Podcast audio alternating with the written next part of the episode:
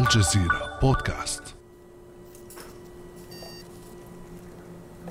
في الخامس والعشرين من يوليو عام 1978 وعلى الساعة الحادية عشر وسبع وأربعين دقيقة صرخة مولودة بهية الطلعة تخطف أسماع العالم.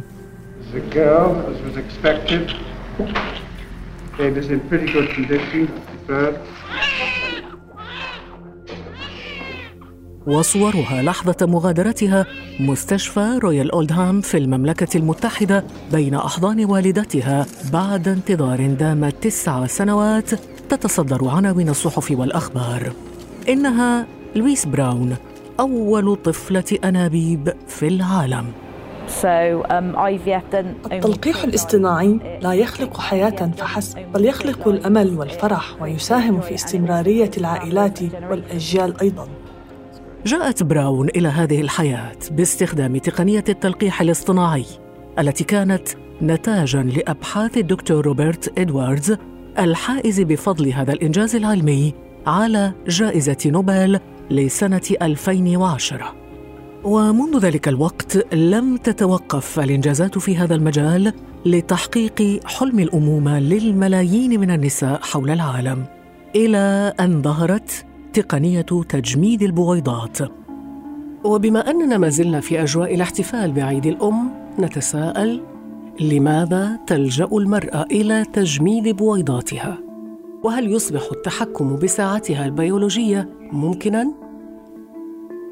بعد أمس من الجزيرة بودكاست أنا خديجة بن جنة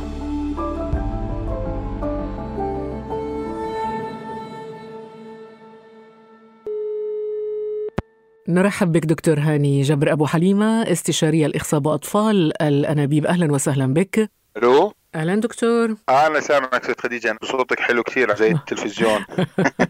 تسلم دكتور تسلم. دكتور أبو حليمة لو تشرح لنا في البداية تقنية تجميد البويضات بتعريف مبسط ما هي هذه التقنية؟ كان وما زال عملية المحافظة على الخصوبة هي الهاجس الأساسي من ظهور أطفال الانابيب اللي هي أيام لويس براون. طورت العملية بأنه اولا المحافظة على الخصوبة عن طريق اجنه ثم بويضات ثم الآن العلم الجديد اللي هو المبيض نفسه. عملية تجميد البويضات هي نفس عملية الإخصاب يعني الست حتتعرض للهرمونات اللي ما يسمى بالتحريض على التبويض ال superovulating drugs ثم عملية جراحية بسيطة جدا بتخدير موضعي وسحب عن طريق المهبل أو عن طريق البطن. في القديم كنا نضع البويضه في ناقص 30 ثم تصل إلى ناقص 120 ثم ناقص 196 سلسيوس بال minus لكن في ال vitrification اللي هو العملية الجديدة التي ظهرت في بداية الألفين هو وضع بويضة في ال minus 196 مباشرة مش بطريقة تدريجية. وبالتالي التجميد وإعادة استخدام البويضة للتلقيح تصل كفاءة استعمالها إلى 90% مقارنة بالقديم في أحسن حالاته 60% مم. ربما هذا التطور يفسر الإقبال الكبير اليوم على هذه التقنية في العالم الغربي في العالم الغربي كل التفكير بيكون في عملية إطالة عمر الخصوبة أولا ابتدأت الفكرة في النساء اللي بيتعرضوا للسرطان. أو أي مرض مزمن قد يصيب المبيض مثلا زي أمراض الروماتيزم زي أمراض الدم المزعجة أو حتى في بعض الحالات يعني الفنانين في أمريكا مثلا زي أنجلينا جولي عملت فحص البراكا 1 براكا 2 وطلع عندها إجابة وبالتالي نسبة الإصابة بأحد سرطانات المبيض أو الثدي أو بطانة الرحم قد تصل إلى 50% ثم إلى 80% وبالتالي هي فكرت في عملية نزع هذا المبيض. في المقابل هي ممكن تحافظ على خصوبتها. كيف؟ يا إما عن طريق تجميد بويضة أو تجميد مبيض. هذا اللي هي التكنولوجيا الجديدة الآن. يبدو أن نمط الحياة في عدد من الدول الغربية دفع النساء والفتيات للإقبال على تقنية تجميد البويضات. إلا أن هذه التقنية أثارت جدلا في المجتمعات العربية. فمنذ أشهر قليلة نشرت فتاة مصرية تبدو في سن الثلاثين مقطع فيديو ظهرت فيه وهي تجلس على أريكة تعلو محياها ابتسامة وقد شبكت أصابع يديها لتعلن بكل ثقة وبلا تردد. هاي يا جماعة ازيكم أنا عملت بصراحة عاملة من couple of years كده ومكنتش قايلة لحد وبعدين قررت إن أنا هقول لكم النهاردة.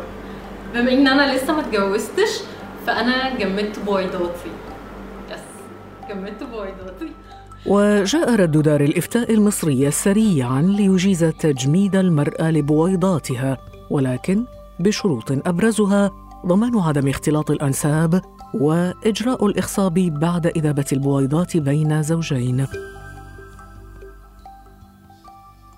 دكتور أبو حليمة إذا واضح أن هناك إقبال على هذه التقنية في الدول العربية خصوصا في السنوات الأخيرة أليس كذلك؟ في الحقيقة نعم صار في إقبال على عملية تجميد البويضات للأسباب التالية ما يسمى بال social reasons البنت متوسط سن الزواج في الدول العربية كان من 20 ل 25 سنة الآن أصبح من 30 ل 35 سنة. معظم البنات في سن الأكثر من 30 يعني خلينا نقول 35 إلى 37 إن لم يحصل زواج بتفكر بشكل منطقي بعملية تجميد البيضات بحيث أنه لو حصل زواج في سن الأربعين البويضة عمرها 35 سنة. والكلام صحيح. الآن ما هو الأهم؟ الرحم أم البويضة لا البويضة أو النطف هي أهم. وتتعرض للشيخوخة. وبالتالي للحفاظ على خصوبة المرأة إن حصل زواج في سن متقدمة تجمد البويضات في سن صغير. وفي مشكلة بصراحة في الدول العربية إنه في الغرب أو حتى في الولايات المتحدة الأمريكية عملية تجميد البويضات قبل التجميد لازم يكون في عملية السحب عن طريق السونار المهبلي.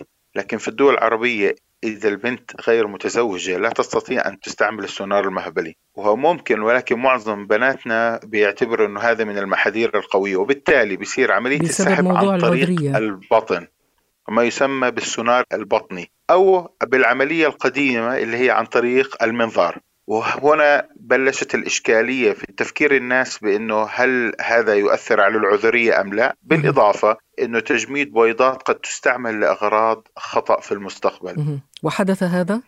هو عشان نكون دقيقين في معظم دولنا العربية إحنا عندنا في الأردن للأسف الشديد يتيح للمرأة تجميد بويضات ولكن عملية ضوابط ما بتحصلش إلا بشكل فردي. يعني عند استعمال البويضات يجب أن يكون في عقد زواج وبشكل واضح جدا لكن تستطيع أن المرأة أنها تأخذ بيضاتها في أي مكان في العالم. بالإضافة للأسف الشديد يوجد دولة عربية تستطيع أن تستعمل البيضات كالغرب أو كالولايات المتحدة الأمريكية في عملية ما يسمى بالسيرجت بيبي اللي هو عملية تجميد البيضات لاستعمالها في بنوك البيضات زي بنوك الحيوانات المنوية.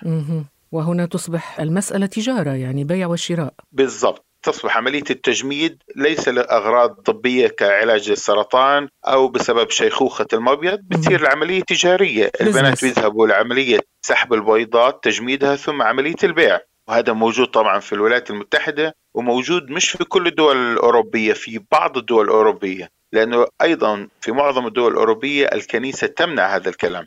عملية اللي هو بيع البويضات أو بيع الحيوانات المنوية.